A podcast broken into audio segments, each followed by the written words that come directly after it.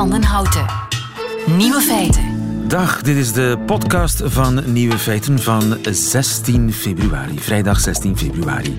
Met deze nieuwe feiten Reply, een app die uw sms'en beantwoordt. De Nederlandse bodem zit vol heet water. Nooit meer remmen voor een leeg kruispunt dankzij een idee van een onderwijzer uit Friesland. Er bestaat zoiets als een eende kliklijn en het rioolwater van Gerardsbergen zit vol speed. Geniet ervan. Nieuwe feiten. Altijd benieuwd. Gerardsbergen, ik weet niet, misschien komt dat als een verrassing voor u, voor mij was het in elk geval een verrassing, is na Antwerpen de speedhoofdstad van Vlaanderen. Alexander van Nuis, goedemiddag. Goedemiddag. Alexander, jij zoekt al tien jaar naar drugsresten in rioolwater in België.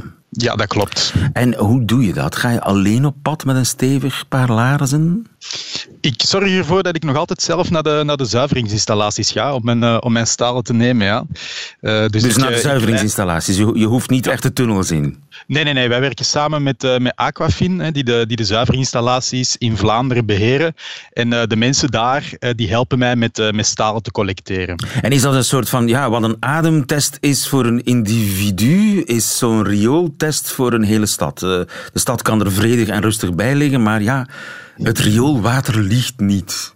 Nee, inderdaad. Hè. Wij, wij, beschouwen het rioolwater eigenlijk een beetje een verzameling van allerlei individuele urinestalen. Uh, en wat we daarin kunnen terugvinden, geeft ons eigenlijk een beeld van, van wat er in een, in een bevolking of een stad uh, gaande is. En wordt er meer drugs gebruikt bijvoorbeeld in Antwerpen dan in Brussel? Kun je dat zien? Dat kunnen wij zien, ja. Dus we kunnen enerzijds uh, steden en gemeenten met elkaar gaan vergelijken uh, om te zien wat er gebeurt. Maar anderzijds kunnen we ook binnen een bepaalde gemeente of een stad uh, gaan kijken wat er in de loop van de tijd gaat gebeuren. En is het zo dat er in Antwerpen meer drugs gebruikt wordt dan in Brussel? Um, ja, we zien dat inderdaad, dat er, dat er in Antwerpen uh, meer drugs gebruikt worden dan in Brussel. Um, maar wat voor ons eigenlijk belangrijk is, we gaan niet echt kijken, hè, is het meer in die stad dan in de andere, maar zien we verschillende patronen in die verschillende steden. Dat is voor ons eigenlijk belangrijker om te zien. Andere drugs? Andere drugs, hè, hoe verhoudt het, bijvoorbeeld het gebruik van cocaïne zich tot uh, het gebruik van speed of, of, of ecstasy? Hè, zie je in een bepaalde stad of gemeente uh, een bepaalde drug meer voorkomen dan een andere? Dat, is eigenlijk wat ons, wat ons uh, meer interesseert. Ja, en zo heb je Gerardsbergen, hè? Ja, inderdaad. Hè. We, we, meten in een aantal steden en gemeenten in, in Vlaanderen en België, uh, om zowel grote steden als, als middelgrote als kleine steden, om te kijken, zien we verschillen in patronen van druggebruik tussen die verschillende steden en gemeenten. En wat wordt er in, in Gerardsbergen dan vooral uh, gebruikt? Ja, wat, wat, je ziet, in, als je, als je Antwerpen-Brussel vergelijkt, daar zie je dat uh, het, het gebruik van cocaïne het meest prevalent is. als je dan naar de kleinere gemeenten gaat, Gerardsbergen, maar ook ook Ninove bijvoorbeeld, uh, dan zie je dat daar het speedgebruik relatief gezien belangrijker is dan cocaïnegebruik. Dus je ziet daar een beetje een inverse relatie tussen die twee, uh, die, tussen die twee drugs. Ja, en met name Gerardsbergen scoort hoog wat uh, speed betreft. Rel ja, relatief gezien, als je dat vergelijkt met andere steden en gemeenten die we bemonsteren, uiteraard kunnen we alleen zien hè, wat we meten. dus voor sommige locaties meten we niet, daar weten we natuurlijk ook uiteraard niks van. Maar inderdaad, in, in Gerardsbergen Ligt het gebruik van, van speed uh, relatief gezien hoger. Ja. ja. En dat uh, verbaast mij, maar ja, jij hebt dus ook het raden naar hoe dat komt natuurlijk.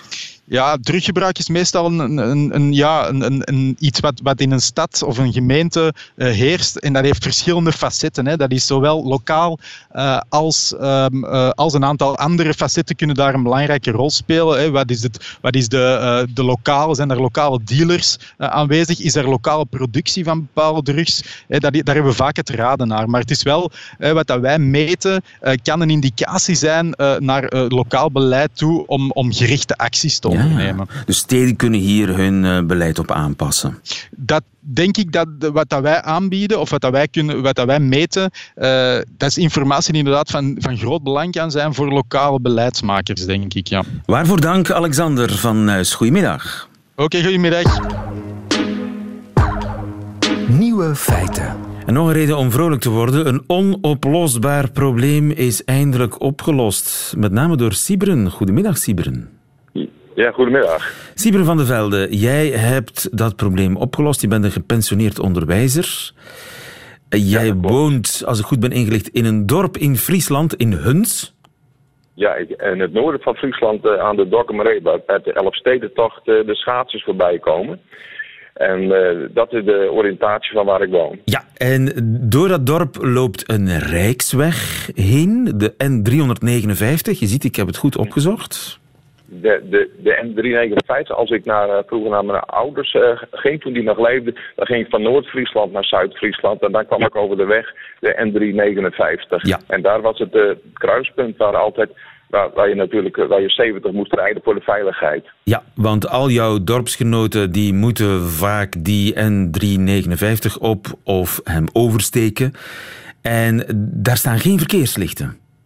Er staan geen verkeerslichten. Het is een door, doorgaande hoofdroute van noord, uh, van noord naar zuid. En uh, daar staan de waarschuwingsborden voor de bestuurder op de hoofdweg. Rij langzaam, rij 70, want er kan verkeer van de zijkant komen. Alleen ik zeg al uh, kan, want meestal was het niet het geval. Aha, en, en dat is het probleem.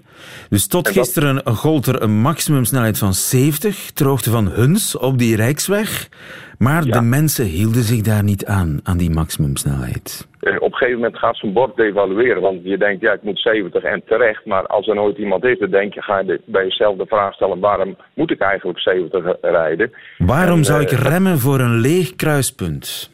Ja, dat is eigenlijk uh, dat is de, de, het hoofddoel daarachter. Dat moet je eigenlijk niet, uh, dat moet eigenlijk niet omdat je dan ook uh, je, je eigen activiteit aan het verkeersdeel neemt. Dat wordt er niet beter op. Je ja. moet jezelf ook uh, kien houden van let op de weg. Ja, ja, want zo gebeuren er ongevallen natuurlijk. Want als niemand ja. zich aan die uh, limiet van 70 houdt, dan zal er altijd toch wel die ene juffrouw te fiets zijn die net oversteekt en pam, je hebt ze mee. En zo gebeuren die dodelijke ongevallen. Het is ook de reden waarom op de meeste gewestwegen in België standaard de maximumsnelheid 70 is. Maar ja, ook daar heb je heel vaak dat op die kruispunten, uh, op die, op die land, als die landwegen op die gewestweg komen, ja, daar is heel vaak geen verkeer. Niemand, geen mens wil die straat oversteken of de weg oprijden. En dan wordt die 70 inderdaad wel uh, heel lastig om je daaraan te houden. Uh, maar je hebt een oplossing bedacht, Siebren. Ja, ik uh, daarover nadenkend. Ik was op de basisschool bezig met ICT. En uh, een regel helpt als een regel effectief is. En toen dacht ik van als je nou een bord 70 kunt, uh, zo zou kunnen signaleren, laten maken dat wanneer het, iemand het kruispunt nadert, het kruispunt op wil of over wil, dat je dan dat, dat voor de, de mensen op de hoofdweg, de Rijksweg, dan het bord 70 verschijnt. Een slim verkeersbord dat weet als er iemand het, de, de, de weg op wil of wil oversteken. Ja, ja, er zitten lussen in de zijwegen en ook lussen in de rijkswegen die uh, worden geactiveerd. De zijweg activeert eigenlijk uh, uh, de lichten op de, op de rijksweg, zodat daar het getal 70 verschijnt met het voorrangsbord de, eronder. Dus ja. op dat moment dat je dat bord ziet, dan denk je, ho, nu is er echt wat aan de hand. Ik kan niet 70, ik moet echt 70. Dus zodra jij naar, naar Leeuwarden wil vanuit Huns, dan, dan geldt die uh, limiet van 70? Ja, als je vanuit Huns de weg op gaat naar Leeuwarden, dan, als je de weg wil opstee, op wil gaan, dan brandt er aan de zijkanten de, van de Rijksweg brandt dan het bord 70, zodat de, de andere verkeerdelen weten van hé, hey, nu moet ik uh, afremmen, want er is uh, verkeer op het kruispunt, er is beweging. Dus en als er op... geen beweging is, dan mag je gewoon 90 rijden, of 100? Je, dan kun je gewoon je snelheidsstandaard van 100 aanhouden. 100. En dat zijn uh, gewoon een verkeersbord met een lamp erin? Dat zijn uh, die, eigenlijk digitale verkeersborden. Dat zijn verkeersborden die eigenlijk met, met LED gestuurd worden. Ja. Je hebt een rode rand met allemaal rode LED-lampjes. En dus het is gebeurd. Ik bedoel, die, die dingen liggen er, die staan er. Je hebt, jouw idee heeft gehoor gekregen bij de provincie. Ja, dat was heel, heel bijzonder. Want je geeft als burger, ja, je denkt een tip. En, en misschien dat ze een gedeelte dat ze zeggen, hé, hey, dat is mooi om mee te nemen. Maar ze hebben het hele plan uh, overgenomen. En uh, de, het beleid op afgestemd. En het, uh, en het bedrijf Pialis heeft daar zich in alle know-how in gestopt om dat goed te, te kunnen verwezenlijken. En sinds wanneer werken de borden? De borden die werken echt sinds gisteren, want nu zijn ook de, de metalen borden uit de berm weggehaald, zodat je nu alleen nog de digitale borden ziet. En werkt het? Rijden mensen trager? Ja, het, werkt. Je, je ziet de mensen zich anders uh, gedragen. En uh, ook voor vrachttransporten, die, hebben, die hoeven nu niet meer af te remmen. Dus de emissieuitstoot gaat daar ook op dat karakter naar beneden. Dus eigenlijk mag je harder rijden gemiddeld. Want als er geen verkeer is, mag je harder rijden. Maar als het moet, dan rijden de mensen toch trager. Dus het is eigenlijk fantastisch. Het is een win-win situatie. Ja, precies. En waar zijn die oude, de oude borden zijn verdwenen? Waar zijn die naartoe? Uh, ik heb een oud bord gekregen en uh, dat uh, bij, de bij de opening werd, mocht ik met de gedeputeerde de bord 70 eraf draaien en het één bord 70 heb ik, mocht ik meenemen naar huis. Dus dat, dat staat als trofee bij u in de voortuin? Ja, precies. Er wordt een, een, een antiek, denk ik. Misschien wordt het... Ja, Misschien wordt het ooit antiek. Gewoon verkeersborden die niet mobiel zijn of die niet slim zijn. Het zou wel eens kunnen dat het eerste ja, slimme verkeersbord in hun staat in Friesland dankzij gepensioneerd onderwijzer Sibren van der Velde. Mag ik je van harte feliciteren met je actie. Heel mooi, dankjewel Sibren. En veel genot en veel trots op je slimme verkeersbord. Ja, het is simpel, je moet erop komen natuurlijk. Ja, heel hartelijk dank. Like you used to be so kind, you forgot that time, didn't you? No, you can't deny this is the last time, fight against you. No, you can't deny this is the last fight, fight against you. And music all around, the beat is on the ground. I'm ready for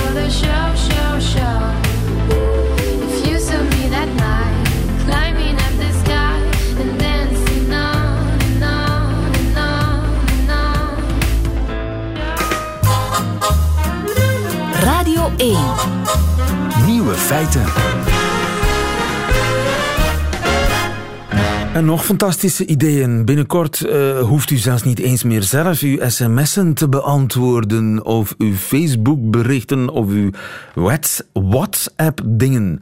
Dat doet een uh, robot voor u, namelijk. Goedemiddag, Chloe Willaerts.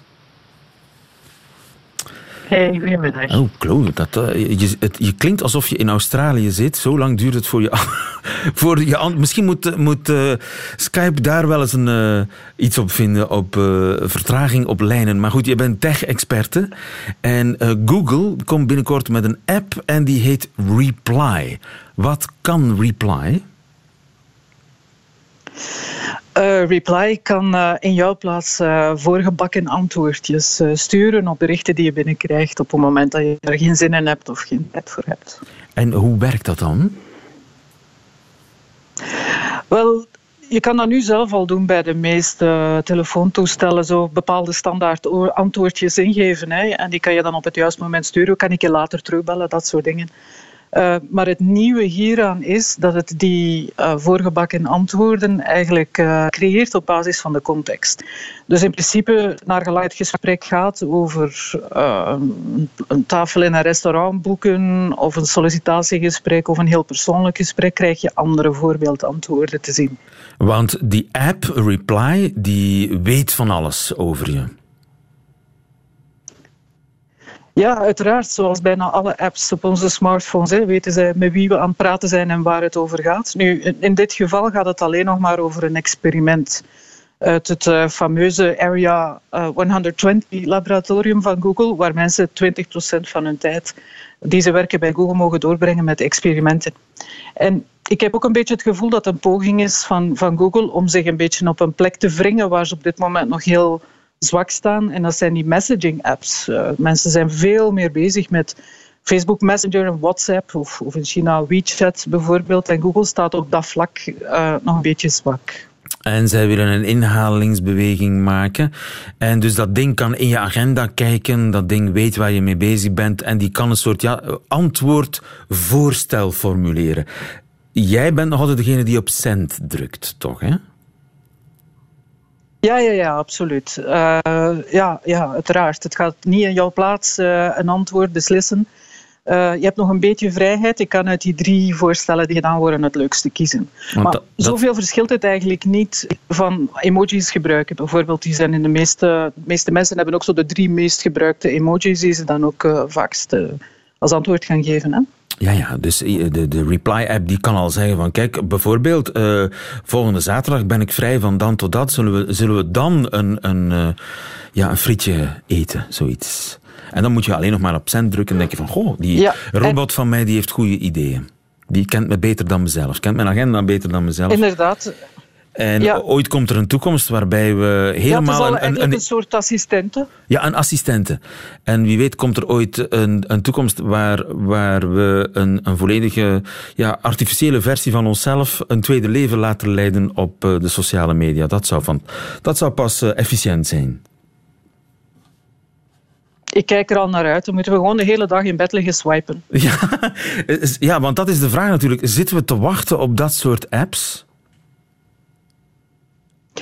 Ja, het, het gebruiksgemak is altijd eh, waar bedrijven als Google en Facebook het ons, eh, ons mee willen binnentrekken hè, in, in heel die wereld. Als iets ons de illusie geeft dat we er tijd, geld, moeite mee besparen, eh, gaan we dat ding ook zeker uitproberen. Eh, en ik denk dat dat een project is dat veel kans heeft om te slagen. En als het niet Google is, zal een andere app eh, hetzelfde wel proberen doen. Ja, ik hoef mijn eigen sms-berichten niet meer te beantwoorden. Een robot doet dat in mijn plaats. Dankjewel, Chloe Willaert. Nieuwe feiten. Nederland zou eigenlijk perfect zonder het Groningse gas kunnen. Want er is aardwarmte genoeg. Dat zegt Jon Limberger. Goedemiddag, Jon. Goedemiddag. Jon, jij bent eh, geoloog. Sterker nog, jij promoveert vandaag, hè? Ja, als het goed is over een paar uur. Dus dan heb ik mijn verdediging, dat klopt. En je hebt eh, onderzocht hoe warm water Nederland kan redden. Nou, kan redden, dat is wel heel... eh, Of tenminste Groningen. Ja, want ja, Groningen, de aarde beeft daar, omdat daar gas wordt opgepompt. Maar ja, Nederland kan maar moeilijk afkicken van het gas. Terwijl misschien de oplossing ook in de grond zit. dat klopt. Eh, we moeten inderdaad kijken naar alternatieven. De productie in Groningen die, eh, die wordt omlaag bijgesteld. Dus we moeten inderdaad op zoek naar alternatieven. En aardwarmte kan een deel van die, die warmtevraag eh, voorzien. En is het de warmte van de aarde zelf of van het water in de aarde? Eh, het is de warmte van de aarde zelf, maar die warmte wordt natuurlijk ook overgebracht naar eh, de watervoerende lagen, waar het water dus ook wordt opgewarmd door de warmte van de aarde. En zou je dan dat water gaan oppompen? In Nederland is het zo dat in de, de lagen waar we naar aardwarmte zoeken, dat er vaak al water aanwezig is. Dus dat water gebruiken we eh, en dat pompen we omhoog. En dan vervolgens koppelen we dat aan een warmtewisselaar waaraan we het eh, water overdragen naar een schoon water. Want het water in de ondergrond is vaak eh, behoorlijk zout. Ja, ja. Dat En wel- eh, dat gebeurt al op kleine schaal.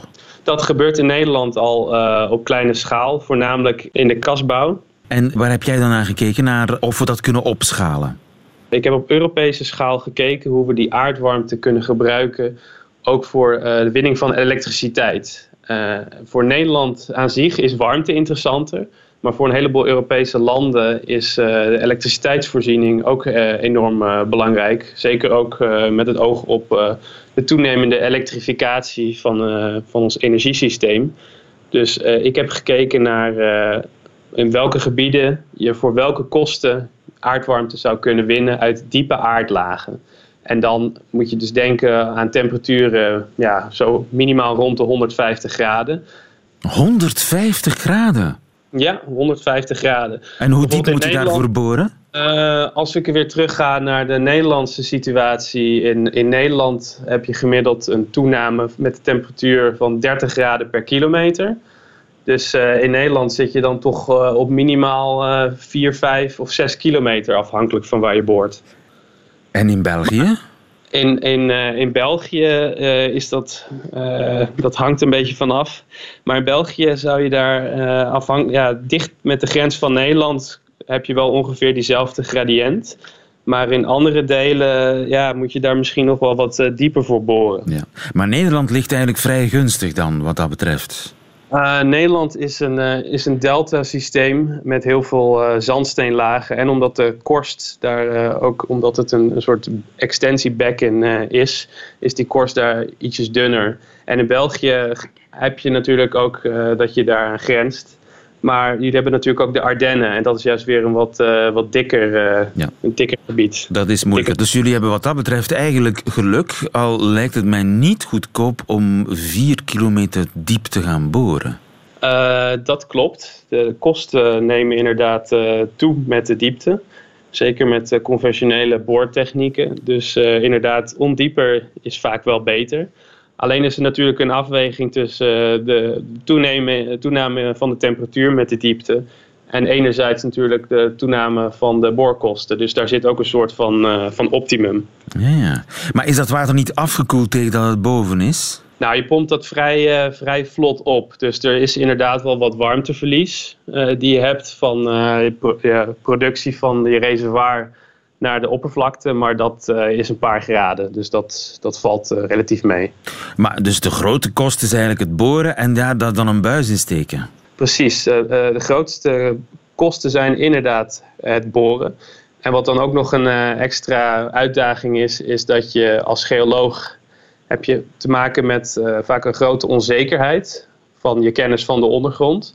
Dus je moet dan ook de meeste van Blijft je een kosten gok. Ja. Moet je inderdaad eh, van tevoren, dus voordat je zeker weet dat je uit een bepaalde laag kan winnen, moet je die kosten ook dan eh, nemen. Dus dat is inderdaad wel een uitdaging. Maar bijvoorbeeld in Nederland hebben we heel veel informatie, ook omdat er zoveel geboord is voor olie en gas. Dus weten we relatief goed wat de temperatuur is en ook wat voor lagen we kunnen aantreffen. Maar in gebieden waar je die informatie niet hebt, is dat wel een stukje ingewikkelder. En zou je heel Nederland kunnen verwarmen met het warme water dat heel diep onder de grond zit? Theoretisch gezien is er natuurlijk eh, genoeg warmte. Maar praktisch gezien moet je ook eh, gaan kijken waar je een goede match hebt tussen eh, enerzijds de warmte in de ondergrond en anderzijds ook waar er vraag naar warmte is. En op dit moment, want het is namelijk relatief duur om warmte via buizen over grote afstanden te transporteren, want dan koelt het inderdaad af. Dus op dit moment kijken we voornamelijk naar gebieden waar je ja, bijvoorbeeld de tuinbouwen, de, de kassen, Ja. waar je al relatief makkelijk eh, grote installaties kan verwarmen. Maar in steden zou je dus moeten kijken naar eh, ja, of je moet een nieuw warmtenet aanleggen. Maar in Nederland hebben we ook een boel steden hebben al een bestaand warmtenet. Ja. Dus daar zou je op kunnen aansluiten. Eh, Maar het is misschien een beetje een, een vergeten alternatief voor eh, gas en olie. Het is inderdaad, in sommige gebieden is het een beetje een vergeten alternatief. Maar in Nederland zie je nu wel dat er, eh, zeker ook na de, de, de brief van eh, minister van Economische Zaken Wiebes, dat er echt wel gewoon eh, vaart gezet wordt in de ontwikkeling eh, van aardwarmte. Ja, want eh, Nederland moet van het gas af. Dankjewel, Jon Ja. Limberger. En veel succes straks bij het verdedigen van je thesis. Goedemiddag. Bedankt. Nieuwe feiten. Altijd benieuwd. Er is een kliklijn in de maak in Nederland tegen het broodvoeren aan eenden. Sven Tuurlings, goedemiddag. Goedemiddag. Van het Nederlands Instituut voor Ecologie. Als ik iemand betrap die eenden voert in het park, wat moet ik dan doen? Nou, eh, uiteraard, daar hoeft niemand iets aan te doen. En het is eh, eigenlijk het enige wat wij willen weten is hoeveel brood gaat er nou eigenlijk in het park die vijver in? Dus wij zijn niet benieuwd naar wie dat is. Wij zijn voornamelijk benieuwd naar hoeveel dat is. Wat is er mis met brood in de vijver? Ehm, dat is een hele goede vraag. Dat, dat weten we eigenlijk niet zo goed. Want we weten, we weten wel dat brood, als er veel in gaat, brengt allemaal voedingsstoffen het water in. En die voedingsstoffen die kunnen weer leiden, als het er te veel zijn, tot eh, vervelende ecologische toestand van dat water. Denk daarbij aan een groene soep of potentieel ook ehm, kroosvorming. Blauwalgen kan zelfs ook voorkomen. Een Maar groene dat gaat soep. al- Wat is groene soep eigenlijk? nou, denk daarbij aan, aan dus een, een water wat, wat veel algen bevat. Dus veel kleine groene eencellige organismen. Die van al die nutriënten, die voedingsstoffen uit dat brood lekker gebruik maken. Daar groeien ze goed op. En vervolgens hebben we, kijken we naar een water en dan denken we... hé, hey, ik zie hier de bodem niet meer. Ik zie hier alleen maar groen. En eh, dat geldt voor vijvers, dat is stilstaand water. Geldt dat ook voor eentjes die op het kanaal zwemmen? Het ligt een beetje aan de stroomsnelheid van kanalen natuurlijk altijd. Eh, heel veel van die kanalen stromen eigenlijk ook niet zoveel het gros van de tijd. Ja. Dus daar geldt dat op zich ook wel weer. Alleen zie je daar waarschijnlijk eerder iets van kroosvorming. En doordat het doorstroomt, zou het effect misschien wel minder kunnen zijn. Ja.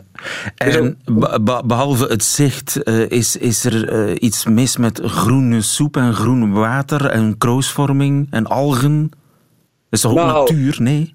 Het is ook natuur, alleen het probleem is een beetje dat zeker bijvoorbeeld denk aan die kroosvorming. Dan hebben we zo'n dik krooslaag en daaronder zit geen zuurstof meer. Dus daaronder ku- kunnen ook heel veel dieren en planten niet meer leven. In die zin is daar iets mis mee. Nou ja, er leeft dus iets anders, namelijk kroos. Maar dat gaat op een gegeven moment ook stinken. Dat vinden we zelf niet fijn. Ehm, maar het, hoort er, het is ook een situatie. Het is alleen een situatie waarbij één of enkele soorten heel erg dominant zijn geworden. En vanuit een biodiversiteitsoogpunt willen we dat misschien. Dat moet je niet willen. Eh, maar het is wel de bedoeling dat die ene dat brood opeten natuurlijk. Krijgen ze het niet op allemaal? In sommige gevallen krijgen ze het wellicht niet op. Dat is een hele goede vraag. Daarom vragen we ook aan mensen als ze melden dat, e- dat er gevoerd wordt, ook hoeveel vogels zitten er dan. Dan kunnen we een beetje een inschatting maken. Wordt hier nou heel veel gevoerd, maar zitten er weinig vogels? Is dan een aardige kans dat ze het niet opkrijgen? Ja. Maar denk daarbij ook, als je zelf iets eet, dat komt er ook weer uit. Dat geldt voor die eend net zo hard. Ja, ja, ja, ja. Maar eh, naar, het schijnt, naar het schijnt is het heel ongezond ook voor eend dat ze brood eet. Ehm, daar zijn wel een aantal onderzoeken naar geweest. Hebben wij zelf nog niet direct naar gekeken. Ehm, je kan je wel afvragen, inderdaad, als je kijkt naar het werk van de vogelbescherming, wat zou je moeten voeren? Waarschijnlijk is brood niet het beste om te voeren, inderdaad. Nee, het is een soort eh, McDonald's fastfood. Ja, het is fastfood en het, het gaat ook vaak water in, waardoor het helemaal vol trekt. En er zijn wel studies die laten zien dat die ene daardoor eigenlijk consequent vol zitten en dus niet meer voldoende voedingsstoffen binnenkrijgen. Omdat het, vult goed, maar het levert weinig op potentieel. Dus niet doen, brood voeren aan eh, eendjes. Het is maar de vraag. Vanuit een waterkwaliteitsoogpunt kan je je afvragen: moeten we allereerst vaststellen hoeveel gaat er eigenlijk in? Is dit wel een probleem? Want het kan best zo zijn dat het eigenlijk helemaal niet zoveel is. En dat is Dat wat we- jullie willen achterhalen mm, met die kliklijn. Dus mensen worden... Een kliklijn is een groot woord, is eigenlijk meewerken aan een onderzoek. Exact. exact. Het is meewerken aan onderzoek. Wij vragen mensen om een waarneming door te geven van hier is zoveel het water ingegaan. Dus als je ergens over klikt, dan klik je over het feit dat brood te water is gegaan. Niet over de daders. Nee, er zijn geen daders. Want iedereen doet dit met de beste bedoelingen. Ze willen bijvoorbeeld eten niet weggooien. Ze, willen, eh, ze vinden het een leuke natuurbeleving en daar moet ruimte voor zijn. De vraag is, alleen, we moeten ons alleen wel bewust zijn van wat de consequenties daarvan zijn. En momenteel weten we het eigenlijk gewoon niet zo goed. Ja. Want daarvoor maakt natuurlijk heel veel uit hoeveel erin gaat. Juist. Wie wil meewerken aan jouw onderzoek, jouw eh, gegevens? eh, gooien we op onze site radio1.be. Dankjewel Sven Teurlings. Goedemiddag. Hartelijk dank. Nieuwe feiten. Middagjournaal. Ik droomde dat ik een Nederlandse krant zat te lezen aan de zonverlichte keukentafel in het huis van een Nederlandse vriend.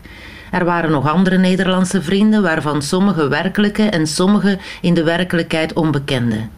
Ik zat een artikel over Irak te lezen, maar dat werd me met stijgende snelheid bemoeilijkt door een column op dezelfde pagina. Die groeide. Ik probeerde sneller te lezen, maar de column had al gauw de hele bladspiegel ingenomen, waardoor ik niet alles over Irak kon lezen. Ik zag nog net de drie laatste woorden verdwijnen uit de linkerbovenhoek van de pagina. Geërgerd en beteuterd vouwde ik de krant dicht. Een van de vrienden begreep meteen wat er aan de hand was en zei laconiek: De groeiende column van Kraak Blom. Dat was inderdaad de naam boven de column, zag ik. Mijn vrienden waren een beetje verbaasd dat ik Kraak Blom niet kende. Die schreef al decennia lang voor de krant. Die moest zeker voorbij de negentig zijn nu. 106, zei iemand met stellige zekerheid. Daar waren we allemaal toch even van onder de indruk. Ik begreep de hoofdredacteur ook. Als je een columnist van 106 voor je hebt werken, waarschijnlijk de oudste columnist ter wereld, dan ga je niet een beetje lopen zeuren over het groeien van zijn column. En Kraakblom zelf kon het wellicht ook niet helpen. Het zou wel iets met zijn hoge leeftijd te maken hebben. Ik begon een voorzichtige sympathie of eerder vertedering op te vatten voor Kraakblom. Wel een vreemde voornaam, zei ik. Kraak. Fries, verklaarde een der vrienden. Hoor je daar vaak? En een andere voegde eraan toe: dat is het equivalent van Julie Louis. Dat laatste leek me heel onwaarschijnlijk. Ik vond het niet de moeite er een discussie over te beginnen, maar wel zo'n vreemde opmerking dat ik het vermoeden kreeg te dromen. Toen werd ik wakker en heb ik mijn man ook wakker gelachen. Ik kon er een hele tijd niet meer mee ophouden. Daarna probeerde ik tevergeefs terug te keren naar de droom, want ik wilde die column van Kraak Blom nu wel heel graag lezen.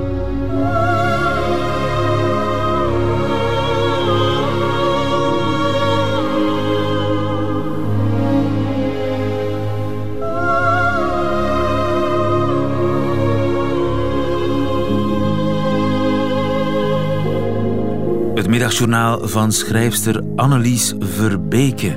U hoorde een podcast van Nieuwe Feiten. Meer podcasts vindt u op radio1.be.